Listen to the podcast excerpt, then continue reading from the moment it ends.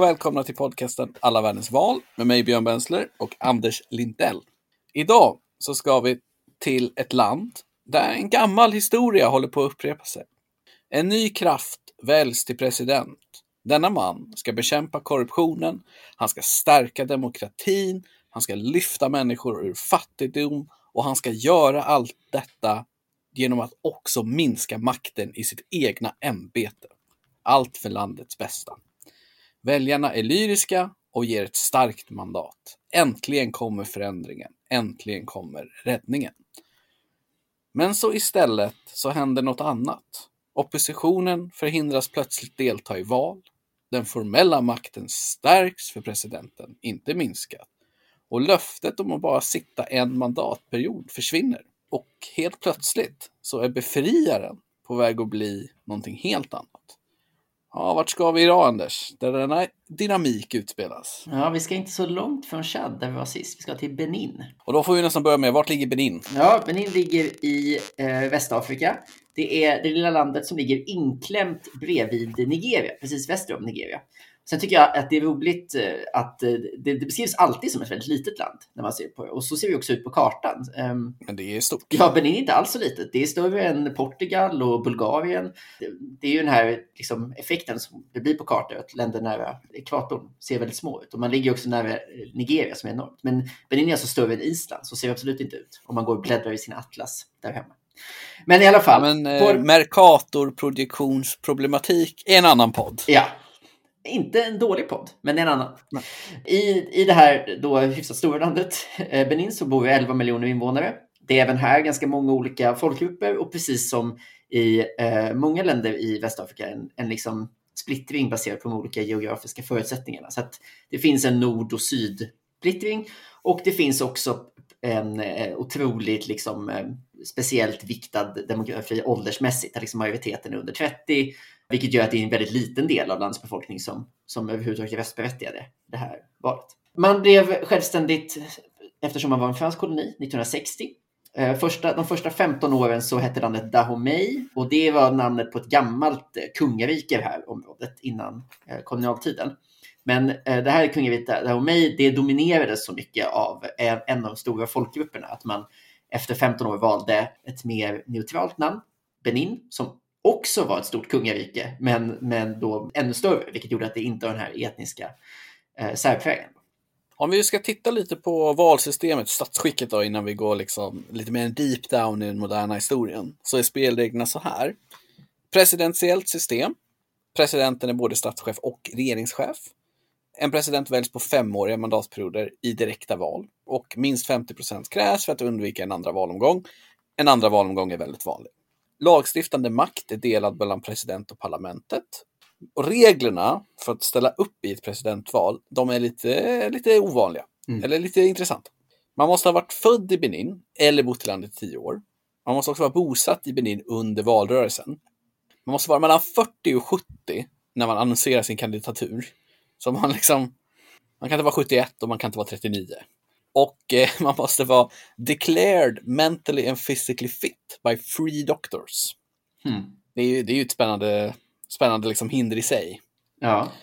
Och sen 2019, en sen modifikation av konstitutionen, så måste en kandidat ha stöd av minst 10 procent av parlamentsmedlemmarna eller borgmästarna för de stora regionerna. Så ungefär 16 existerande folkvalda måste backa din kandidatur. Och det här är en grej som kommer bli, vi kommer förklara sen, att mm. det här är väldigt kontroversiellt. Men det här är alltså, gäller först till det här valet. Mm, det är inte helt tidigare. Och eh, tidigare så har det varit så att Benin har haft eh, ett ganska gott demokratiskt rykte och haft liksom goda betyg i internationella mätningar eh, och sånt där. Men vi kommer att prata lite om att även detta har förändrats ganska mycket de senaste åren. Ja, sen har de ett parlament också som väljs på fyra år istället för fem, vilket innebär att vart tjugonde år blir ett supervalår i Benin och eh, nästa är 2031 för den som redan nu vill markera upp det i kalendern. Och de här 83 platserna får, de enda som inte får kandidera officiellt är militärer då. Där vill man hålla dem borta. Sen har man en juridisk gren av staten också, så det är tre delar. Eh, man har en konstitutionsdomstol som verkar fungera som någon slags, inte riktigt som en konstitutionsdomstol, utan mer en, en plats där individer kan stämma staten. Ja, också något lite speciellt som man kallar för en High Court of Justice. Eh, där det är väldigt viktigt att påpeka att presidenten inte sitter, utan den utgörs av konstitutionsdomstolen, några välvalda delar av parlamentet och ordföranden av högsta domstolen. Det är den enda instansen som kan döma en president för någonting. Mm. Så de har byggt en liten så här presidentdomstol, typ, kan man säga, eller något sånt. Liksom en ständigt pågående riksrätt. Liksom.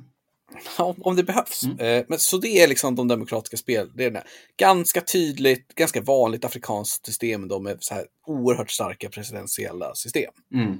Ett ganska litet parlament måste man säga, 83 platser på liksom över 10 miljoner med, medborgare. Mm. Men that's it. Och du hade något plan här för hur vi skulle lägga upp där, så shoot. Jag tänkte vi drar lite av, de, lite av den politiska historien här. För det som, det som på ett sätt präglar Benins politiska historia jämfört med många av deras grannländer är att den inte är lika turbulent som många andra.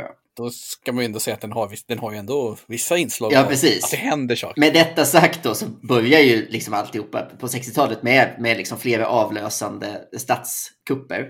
Under de här så eh, finns det en, en insider, en, hör och häpna, eh, general som heter Mathieu eh, eller Kereko.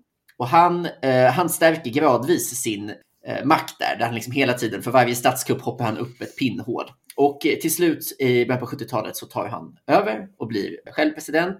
Han är väldigt tydlig med att så här, nu ska vi styra Benin eh, liksom självständigt utan inflytande från utländska influenser och utländska ideologier. Men tidigt in på 70-talet så blir väl kalla krigets olika lockelser för stort och man blir ett, ett liksom marxist-leninistiskt enpartistat. Quebeco är liksom en, hans eftermäle är väldigt mycket att han, han kallades under hela sin presidenttid för kameleonten. Och han hatade inte det själv, utan han hade inget behov av att framstå som liksom kraftfull och, och så liksom bestämd, liksom den här klassiska strongman, eh, göra armhävningar på valmöten-typen. Utan han var mer så smidig, lyckades liksom finta sina motståndare och liksom göra tillräckligt små förändringar hela tiden för att hålla sig kvar hyfsat kontroversiellt. Men eh, Kevin Queveco kör alltså ungefär 20 år. Sen eh, på 90-talet så eh, reformerar man konstitutionen. Han förlorar i det första valet som hålls. Men sen lyckas han vinna ett demokratiskt val 1996. Sitter kvar 10 år till, alltså, vilket var det som var tillåtet då och avgår 2006. Och då fanns det såklart en liten spänning. Så här, kommer han acceptera utgången av det här valet? Hur kommer det gå? Eh, men det gör han då. Så att då har man liksom sin, sin, en ordentlig överflyttning av makt. Det hade man ju även 91 då.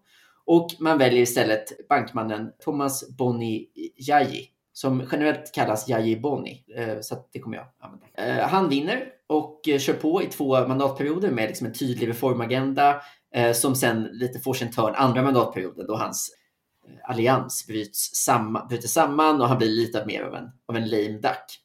Men landet är i alla fall hyfsat politiskt stabilt, får liksom eh, goda betyg av Freedom House eh, i, och liksom bedöms både nationellt och internationellt vara hyfsat liksom harmoniskt. Eh, Queveco drar sig tillbaka, han håller inte på med något, liksom, något liksom styrande i kulisserna. När han dör vid 83 års ålder så liksom utlyses en veckas landssorg och allt känns liksom som att man har gått vidare från sin historia. Det är otroligt att han lyckas behålla den typen av popularitet ändå. Ja. Cool, liksom. Ja, ja, Han har verkligen. mycket på sitt CV ändå, måste man säga.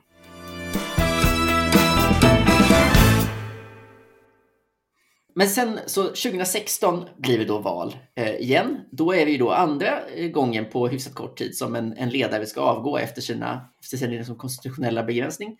Jaji Boni gör också det. Liksom en populär ledare som kanske ändå inte fick så mycket gjort på slutet, men som ändå liksom, ja, respekterar reglerna, avgår och eh, pekar ut sin premiärminister som efterträdare. Och är så här, det här är partiets kandidat. Den här eh, premiärministern hette eh, Sinsu och det som är speciellt med honom är dels att han är brorson till en tidigare president i, eh, i landet, så att han är verkligen en insider, kommer från en släkt. Alltså en av de här presidenterna i början på det stökiga 60-talet. Men han är också halvfransos, så hans mamma var, eh, är liksom född i Frankrike.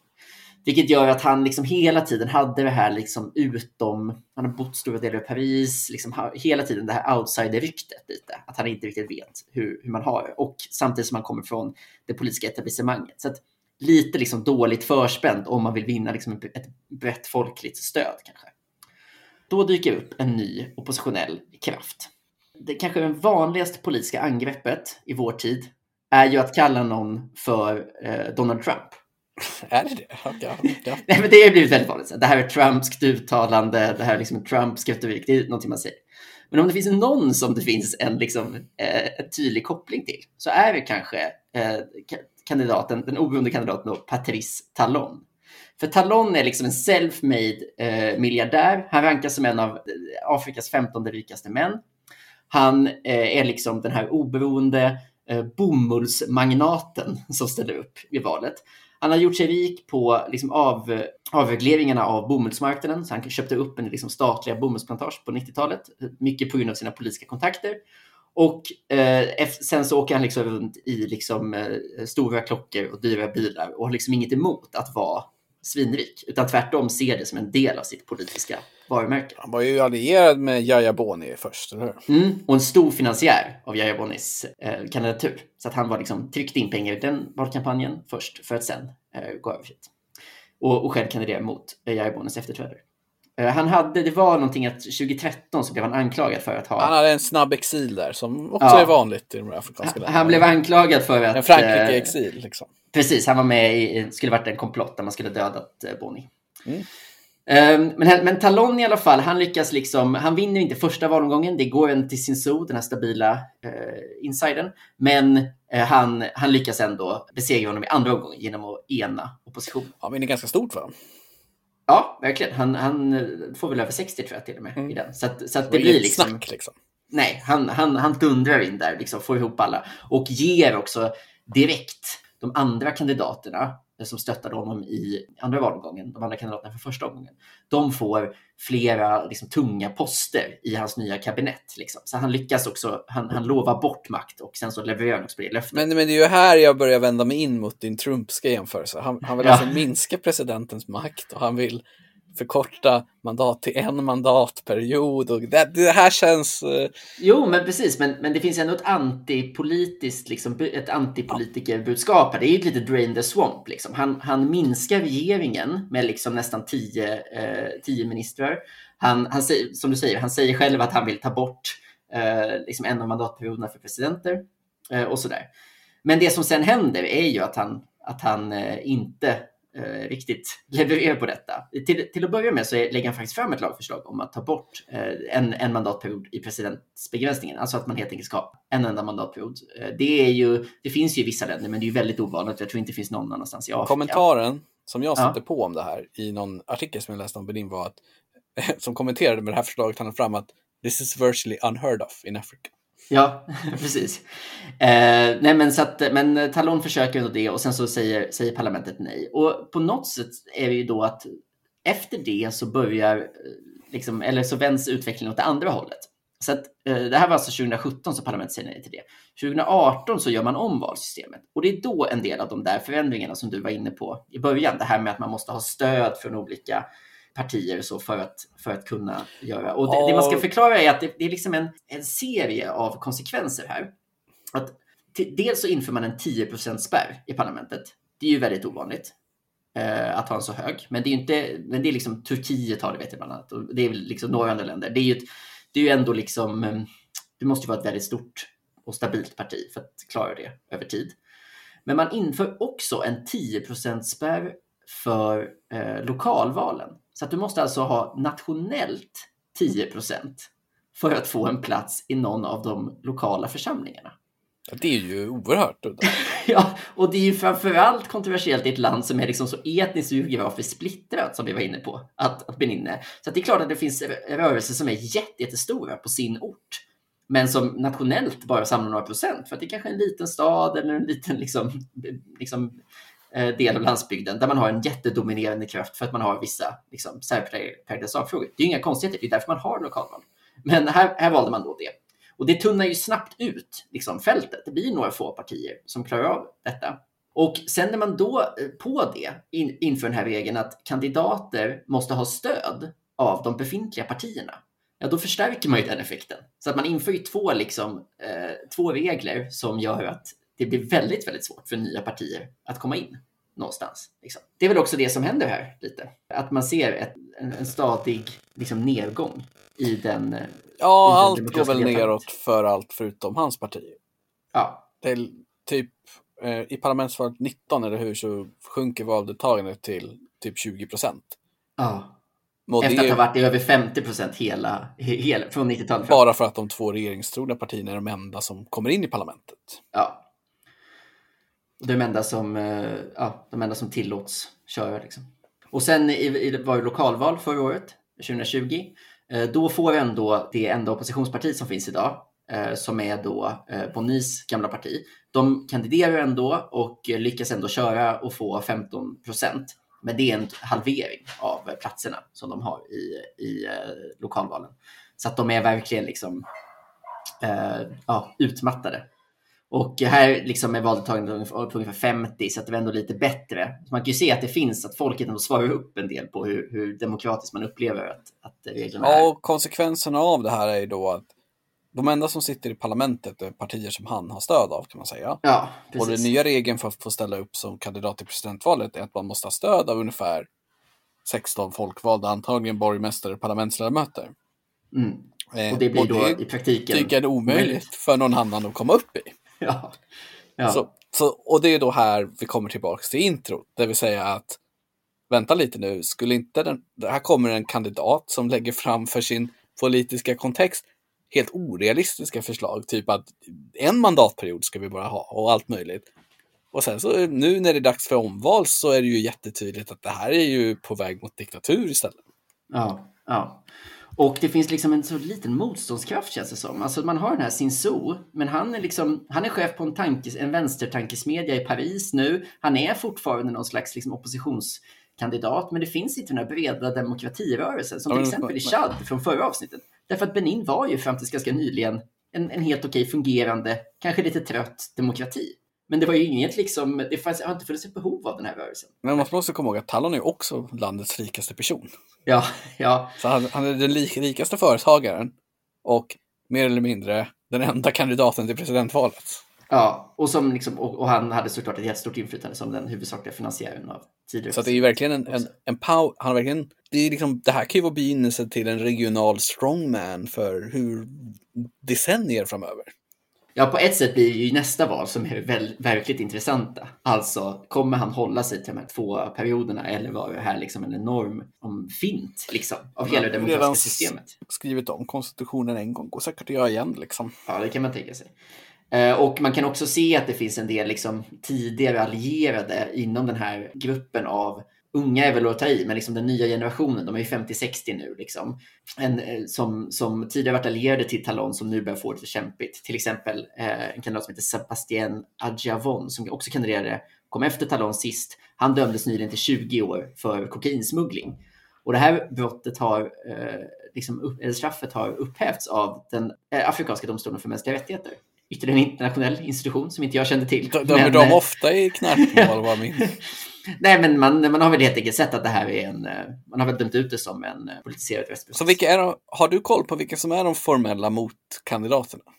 Han, eh, vad jag förstår så är liksom, är han, är han ohotad fortfarande. Vilket ju, ja, det, är- det är väl liksom det, det är lite otaktiska. Vi har pratat om det förut, att, att även om man, även om det inte är ärligt menat så ser det ju bäst ut att ha en, en kandidat. Ja, men här, jag förstår det som att det, var, det är 20 stycken som declared och att det är typ eh, en eller två, förutom han, som har Mhm. liksom klarat de här. Ja, men det kanske är det. Men att de då anses vara mer eller mindre allierade till Talon. Just det. Typ att det ser inte bra ut om du är den enda som ställer upp. Så han har fixat lite kandidater som inte är riktiga motkandidater. Okej. han har Jag, jag har inte namnen på dem så, men så förstår jag att det liksom, landet ligger. Just det. Och eh, eh, ja, men man kan ju tänka sig att de här två, det finns ju två partier då. Eh, Bloc eh, Républicain och Union Progressiste eh, som eh, sitter i parlamentet idag. Och de två skulle ju, de har ju eh, 36 jäm- respektive 47 eh, mandat. Så att de skulle ju absolut på egen hand få ihop varsin kandidat. Men båda de har ju stöttat Talon. Då. Vad ska man säga mer? Eh, jo, men en sak som jag tyckte var lite roligt är ändå att även om Talon har nu en otrolig kontroll över Benins demokrati så kan man ju inte kontrollera vad som skrivs på Wikipedia. Jag tycker ändå det är roligt. Får jag säga vad som nämns om honom i första stycket på hans Wikipedia-sida? Helt så här belagda, alla de här uppgifterna har jag också dubbelkollat, de är belagda, men det är roligt för att de sätter honom i ett visst ljus ändå. Kör då. Det första, är, det första är, något som också påverkar honom ganska mycket, att han kommer från en slavdrivarsläkt. Det är en väldigt politisk grej i Benin, att det var ju en så stor man var ju en hubb för slavhandeln. Och Ja. liksom, det var ju familjer, från, eller liksom köpmän i Benin som tjänade väldigt mycket Ja, pengar. det finns ju en stad i södra Benin som heter Porto Novo som är Ja. portugisisk stad. Som liksom Mm. var deras fristad dit folk då kom och sålde slavar som sen skickades över Atlanten. Så att det, och det är fortfarande, det liksom görs en del för att liksom komma över det nationella traumat. Men Talon har då, så han kommer från en sån gammal familj som känner för det. Det andra som, det andra som nämns är att han fick C på sin kandidatuppsats. det, tycker jag, det är ändå roligt att det kommer upp så tidigt hos någon. Och det tredje är att han egentligen ville bli pilot, men inte klarade de medicinska testerna för att bli det. Så att det är liksom de tre första faktauppgifterna man får om, om Patrice Talon när man går in på Wikipedia. Så att det fria ordet har ändå nått, gett oss eh, viss information. Ja, men det är en superintressant, så här, intressant, en hemsk, det är en negativ utveckling för landet. Men man, när man Mm. läser på om det här valet och följer lite vad som sägs i internationell media och de så är ju folk väldigt oroliga liksom.